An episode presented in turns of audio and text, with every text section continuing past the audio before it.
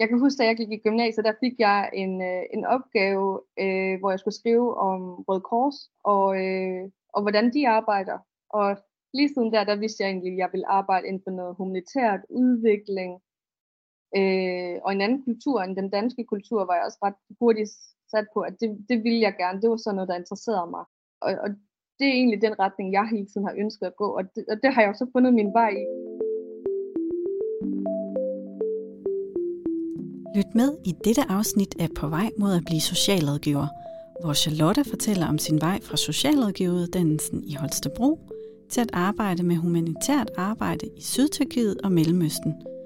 Og hør, hvordan socialrådgiveruddannelsen også kan være et perfekt afsæt for dig, der drømmer om at rejse eller har interesse for mere alternative karriereveje, f.eks. inden for humanitært arbejde.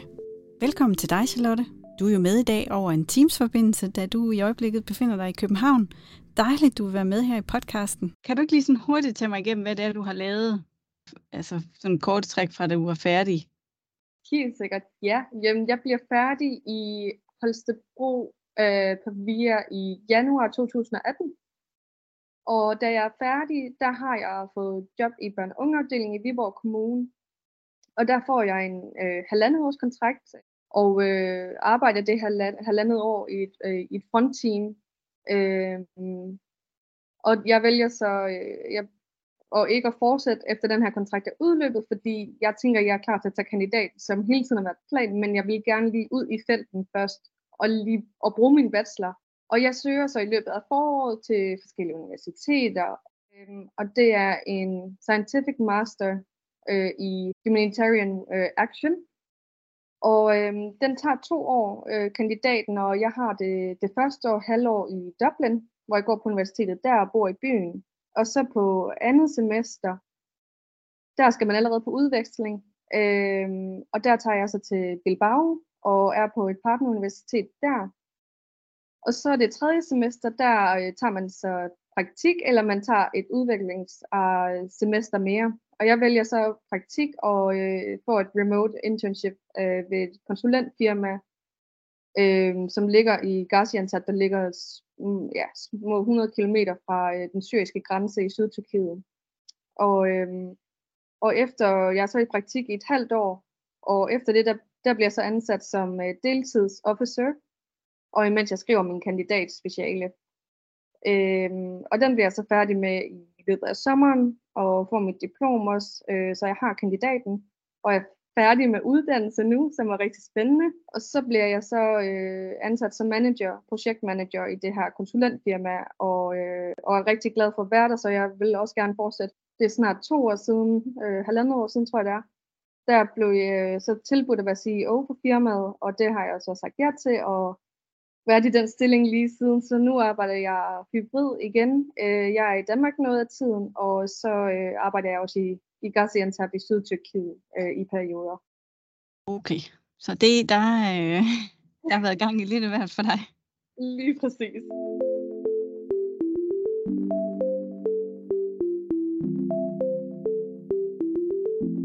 Og da du, da du var på uddannelsen, var du også på udveksling der? Eller? Jeg var øh, på udveksling i, øh, i Haag i Holland, og øh, det var en menneskerettighedslinje, øh, menneskerettigheder i social arbejde, så det var jo helt perfekt til mig. Og, øh, og jeg kan huske, at efter det første halve år, der ringer jeg tilbage og via og siger, om jeg godt må blive. og øh, det måtte jeg da gerne, så jeg tog et modul mere dernede, så det blev tre moduler i alt. Jeg var så hjemme i to måneder for at tage et modul i, øh, i Danmark, og øh, så rejste jeg egentlig tilbage til Holland med det samme igen. Og øh, så er vi lige så stille ved at være der, hvor jeg startede med at skrive bachelor. Det tog jeg så til Kroatien, jeg gjorde. Øh, og det var igen for at bruge socialt arbejde i en lidt anden kontekst. Øh, og lige her, øh, der fokuserede jeg så på øh, fysisk og seksuel vold, der var begået mod kvinder under Balkankrigen.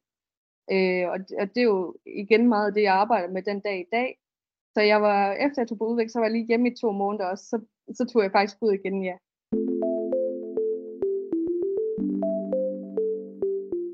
Hvis vi sådan kigger på, på det, du så arbejder med i dag, hvad er det så, du laver?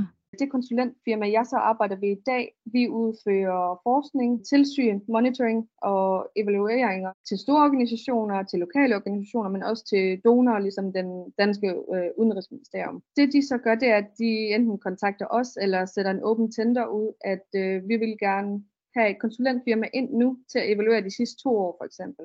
Hvis vi tager et specifikt projekt, øh, lige nu der har vi rigtig travlt, fordi Gaziantep og det nordvestlige Syrien havde et kæmpe jordskæld 6. februar, øh, og det har vi været enormt påvirket af øh, arbejdsmæssigt og personligt, fordi vi, vi er, ligger lige i epicentret. For eksempel lige nu, der har vi rigtig travlt med at få de her evalueringer ud til de store donorer, fortælle, var det relevant, den hjælp, der kom, var det effektivt, hvor er pengene overhovedet henne, er, der, er det bæredygtigt på nogen måde, og hvad skal vi ændre til næste gang, hvad skal vi lære af det her. Det handler rigtig meget om at, at lave nogle rigtig gode interview guides og questionnaire surveys, øh, og så komme ud til den lokale befolkning og snakke med dem, fordi det er dem, der ved bedst. Så er det, er det dig, der er ude og snakke med dem, eller er det dig, der ligesom sætter rammerne op for, hvad er det, vi skal spørge om, og hvad er det, vi skal undersøge? Det er så mit job at sætte rammerne. Hvis jeg har adgang til et land, så, øh, så deltager jeg selv. I næste måned der skal jeg tilbage til Tyrkiet og gøre det der. Men ellers så det, der, hvor vi ikke har adgang til, at jeg kan komme ind, der har vi folk, lokale folk, der gør det for os, som så er ansat af konsulentfirmaet. Så, så det er simpelthen øh, det, man jo godt nogle gange kan gå og tænke, når man øh, donerer til noget. Bliver det nu brugt rigtigt? Så det, ja. det, det, det er den funktion, du Lige præcis. sådan kogt meget ned sidder og laver. Ja. Ja, det er, det er i hvert fald en af de store komponenter af det. Øh, en anden komponent, det er også, at vi var omkring 6. februar, det, der, skulle vi, øh, der blev vi ansat af flere til at komme ud til lokalbefolkningen og spørge, hvad har I overhovedet behov for? Så de her organisationer, de kunne lave en plan efter, hvad øh, lokalbefolkningen sagde. Og hvad så, når du er hjemme i, i Danmark? Hvad, hvad laver du der? Ja, øh, min normale hverdag, det er fra cirka fra 8 til 18 hver dag øh, i, øh, i hverdagene. Jeg øh, vi arbejder under tyrkiske forhold, så jeg ligger på omkring 52 timer i ugen. Så en typisk uge for mig, det er, at jeg arbejder mandag til fredag, og så arbejder jeg gerne om søndagen også. Øh, og det er fordi, det her de mellemøstlige kontor, de åbner. En dag som i dag, for eksempel, der, øh, der har jeg en 6-7 møder. Øh, lige nu der øh, fører jeg tilsyn med seks projekter. Så det er enormt meget med at have kontakt til organisationerne, men også have kontakt til vores øh, field team, der er øh, ude i felten. Øh, det er enormt meget tæt kontakt med dem i forhold til, hvordan det går. Øh, og vi står jo nogle gange i situationer, hvor vi bliver nødt til at evakuere vores egne øh, ansatte, især når vi er i Syrien, Afghanistan og så videre, Pakistan også for den sags skyld. Og det er så mig, der skal sidde og trække, træffe de endelige beslutninger i forhold til den information, jeg får ind. Og når man så kommer længere hen i projektet, så sidder jeg så og analyserer alt det her data for at skrive en rapport til donerne. Men min hverdag går også rigtig meget med at have og netværke med vores klienter, med organisationer osv. og øh, deltage i FN-møder. Øh, og det er egentlig for at have en finger på pulsen i forhold til, hvor er vi henne med, hvordan den humanitære kontekst er lige nu. Så der er månedlige møder, man også deltager i. Så man kan sige, at dine øh, kontaktflader, altså samarbejdspartnere, det kan både være sådan helt ned til den lokale yes. befolkning, men så også op sådan på politisk niveau? Man kan sige, at de grupper, jeg er i kontakt med, det er lokalbefolkningen, og så har vi de her øh, local councils, local community leaders, vi snakker med og er i tæt kontakt med. Og det er jo især en vigtig komponent, når vi snakker Syrien, Afghanistan, Irak osv., øh, at der har man lokale, og man har de ældre, man går til for at høre fordi de ofte repræsenterer samfundet. Så snakker vi med lokale organisationer, internationale organisationer, så er vi i kontakt med donerne, og så har vi kontakt på et klosterniveau, øh, og kloster det blev sat op dengang efter tsunamien, hvor man fandt ud af, at det er bare bedre, at vi har arbejdsgrupper, så vi ikke, øh, der går en masse penge til spilde. Og de har overblikket over, hvem implementerer i hvilke landsbyer, og hvor der huller hen, vi skal have lappet, så det er dem, der står for den helt store koordination og sætter, også sætter guidelines øh, for den sags skyld. Og så til sidst så kommer FN-niveauet, som, øh, hvor vi også er i kontakt med dem. Hvad er forskellen på at være dansk socialrådgiver og så at være i udlandet og være social worker? Der er kæmpe forskel.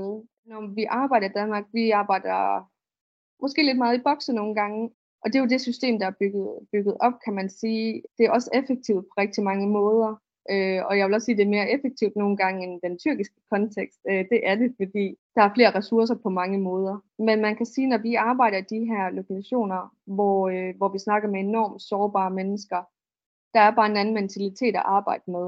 Øh, og det er nok den første, største forskel. Øh, jeg kan mærke, de er enormt resilient, mange af de her mennesker, fordi de har siddet, siddet i en lejr måske de sidste 10-12 år, og har ikke adgang til basale service. Hvorimod det, vi arbejder med i Danmark, det er jo en helt anden kontekst. Der arbejder man på mange måder med at finpudse mange ting, fordi vi har adgang til det basale, vi har adgang til mad og vand og elektricitet, som det er jo det niveau, vi arbejder på i Tyrkiet, det er at få det, styr på det. Men i Danmark, der er vi jo lige nogle skridt foran. Så der kan man arbejde øh, mere teoretisk og sige, at man kan arbejde mere på at forbedre tingene, og, øh, og mere bæredygtigt kan man også arbejde i Danmark. Øh, vi bliver, I den humanitære verden, der skal vi konstant være omstillingsparate, fordi vi bliver kastet ud i, øh, at så kom Taliban tilbage, og så havde vi jordskæld, og så har der været oversvømmelser i Pakistan, så man skal kunne skifte, altså man kan, skal kunne skifte enormt hurtigt. Øh, jeg ved godt, når jeg starter mandag morgen, at den kalender, jeg har for ugen, det er ikke den kalender, jeg sidder med fredag eftermiddag. Øh, det, det er der ingen chance for. Bliver du så nogle gange ramt af, at, øh, at de sociale problemer, vi arbejder med i Danmark, at du tænker, det er sådan lidt bagateller, eller i forhold til det, du selv ser? Jeg tænker, det er i hvert fald noget, man skal arbejde med. Øh, fordi sådan kunne jeg nemlig godt have det i starten, da jeg var på min kandidat, hvor jeg tænkte, ja, vi arbejder godt nok med bagateller i Danmark.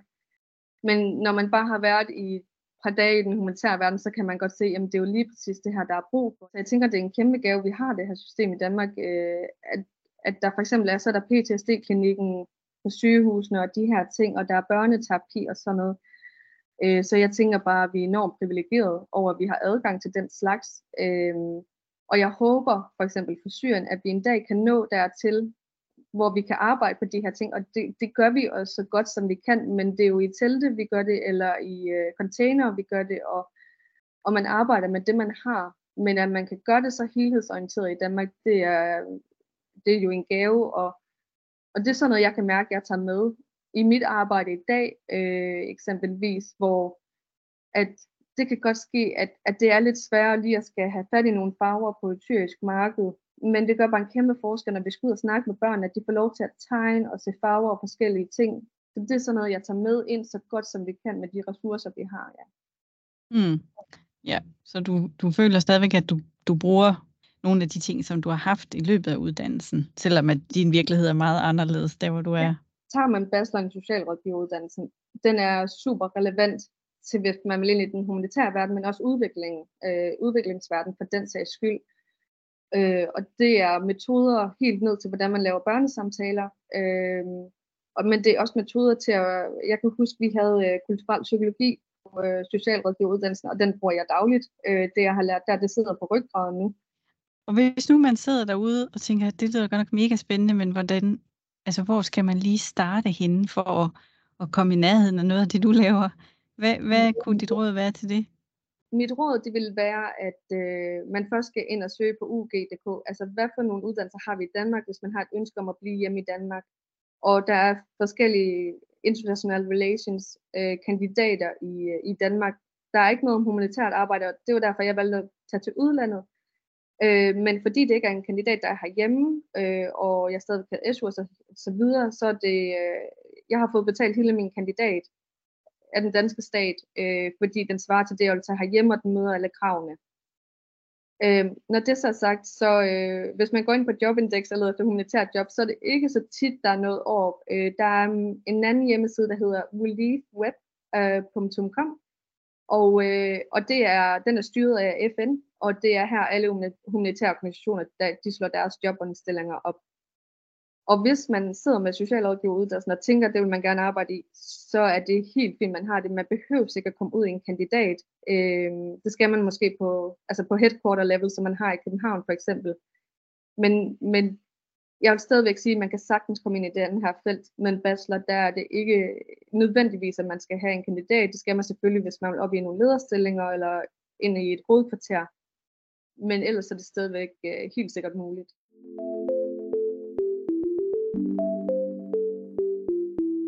Den tid, du var i Holland, som jo var en del af, mens du var på, på, på socialrådgiveruddannelsen, var det uddannelsen, der hjalp dig med at finde vej derned, eller var det noget, du selv havde spottet? Nej, helt sikkert. Det, øh, det skyldes øh, fuldstændig via støtte til det. Øh, jeg kan huske, at vi havde en orienteringsdag om øh, udenlandske ophold, og øh, der var en masse eksempler fremme, øh, men der var blandt andet øh, den her linje på øh, i Haag, og, øh, som jo også er kendt som en fredsby. Øh, det er jo hernede, vi har alle de store domstole. Og øh, jeg var slet ikke i tvivl om, jeg skulle derned, og da jeg så så, at det var social work og human rights, så, øh, jamen, så var jeg jo klar og, og siger til Alice, der var vores koordinator der, at øh, ja, hvordan gør vi? Vi skal i gang, og så videre. Øh, og jeg kunne huske, at jeg fik lidt kolde fødder på et tidspunkt, hvor hun så siger, det kan du sagtens det her. Altså, vi er i tæt kontakt, og det kommer til at gå godt. Og den, jeg tror, den støtte der, det gør, det gør altså lige det der ekstra med, at man får mod på det, fordi man har et bagland, man tager ikke afsted, og så er man bare alene. Altså, der står et, et netværk på VIA, som er så klar. Altså, jeg ringede det også med et par, et par gange, hvor jeg var sådan helt i vildrevet, men det fik vi styr på, og der er nogle vanvittigt dygtige øh, øh koordinatorer også på de lokale universiteter, som er så vant til at have udviklingsstuderende, som er ja, i, i nyt land, øh, og de er også super klar til at, at stå og hjælpe. Og man er jo en gruppe udviklingsstuderende. Øh, man er ikke kun sig selv. Man er en gruppe, som er i den samme båd, og det hjælper helt sikkert også. Nu er det ikke sådan, man må spørge folk om deres alder, men nu gør jeg det alligevel, fordi øh, de, nogle gange kan det jo også have en betydning. Hvor gammel var du der, da du var afsted? Jamen, jeg er 30 den dag i dag. Jeg er lige blevet 30, øh, og jeg var afsted, jeg tog afsted i, i 16, så jeg har været 23, da jeg tog afsted.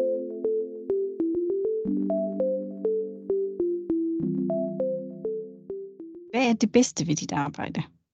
Det er, at jeg arbejder i forskellige kulturer. Jeg har ikke dage, der er ens. Men det bedste er også nu, at nu har jeg en god ballast med mig. Jeg har lavet masser af projekter og nu. Jeg øh, er meget mere selvsikker i det, jeg gør. Men øh, jeg lærer hver dag. Altså, jeg bliver ved med at lære nyt, og jeg bliver ved med at have bedre forståelse. Og øh, jeg får den her dybe forståelse af, af de her lande, jeg arbejder i. Det er jo der, det bliver sjovt. Det er jo, når man forstår dynamikkerne i samfundet, og det er der, det bliver spændende. Og hvad så, hvis vi sådan omvendt kigger, hvad, hvad så er det mest udfordrende for dig? Det er, når, øh, når vi for eksempel står, og jeg bliver ringet op, og øh, for eksempel det hold, jeg øh, har supervisor, at de er et sted i Aleppo eller Idlib, og der er gået en mine af. Det er det værste opkald, jeg overhovedet kan tænke på. Øh, vi har heldigvis ikke oplevet, at der er nogen, der kom til skade, men det er jo bare at evakuere det med det samme. Det værste opkald, jeg fik, det var også øh, natten til om den 6. februar, at øh, der var det her kæmpe jordskæld, og de blev ved med at komme, og vi har jo haft flere tusind efterskæld. Det er de to værste opkald, jeg kan få overhovedet. Øh, men det er også fordi, det bliver på et personligt plan. Det er mine kollegaer, og det er den lokale befolkning. Øh, de her udfordringer, vi har med ja, administrativt, det skal vi nok klare. Det, øh, det er vi vant til, og vi er vant til forsinkelser og, og byråkrati og så videre. Det skal vi nok ordne. Sådan om 10 år, hvor er du så hen? Har du nogen idé om det? Ja, det er jo spændende. Nu er vi jo øh, flyttet til København og er super glade for at bo her. Og tænker, at det her, vi har vores base i rigtig lang tid. Så den her øh, tanke om at arbejde direkte i udlandet, den er der ikke mere. Jeg kan rigtig godt lide, at vi har fået en base nu, i stedet for at flytte hver halve år. Øh, og så arbejde den her slags hybridarbejde, det er jeg rigtig glad for. Og øh, om 10 år, der kan det være, at jeg måske er jeg en dag det stadigvæk det samme konsulentfirma. Øh, men jeg tænker også, det kan sagtens være, at det er den tid, at jeg måske er et headquarters, eller måske er videre til at søge ind ved FN. Det kunne være en af de muligheder, øh, men helt sikkert også den danske beredskabsstyrelse. Jeg synes, de laver noget fantastisk arbejde, og det kunne også være et sted, jeg ender en dag forhåbentlig er.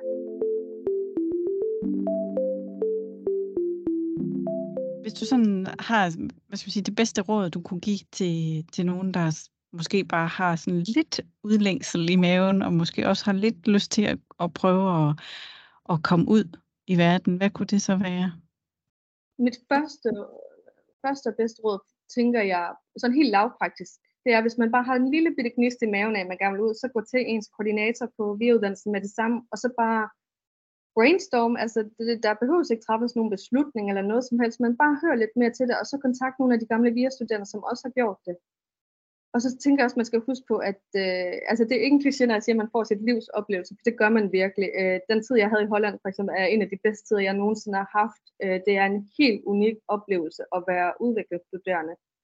Og hvis man synes, det er lidt skræmmende at komme for langt væk, øh, så kan man jo gøre, som jeg gjorde. Jeg tog jo kun til Holland. Det er jo ikke mere end halvanden times, times øh, flyvetur væk. Og øh, jeg kunne komme til Danmark lige så tit jeg ville. Men det er så en unik oplevelse, at jeg vil anbefale til enhver. Og øh, lige så vel på et arbejdsplan er det givende, men i den grad personligt. Altså man udvikler sig jo med 130 km i timen, når man er afsted. Øhm, så ja, jeg vil helt sikkert anbefale til alle, der bare har en lille gnist af det.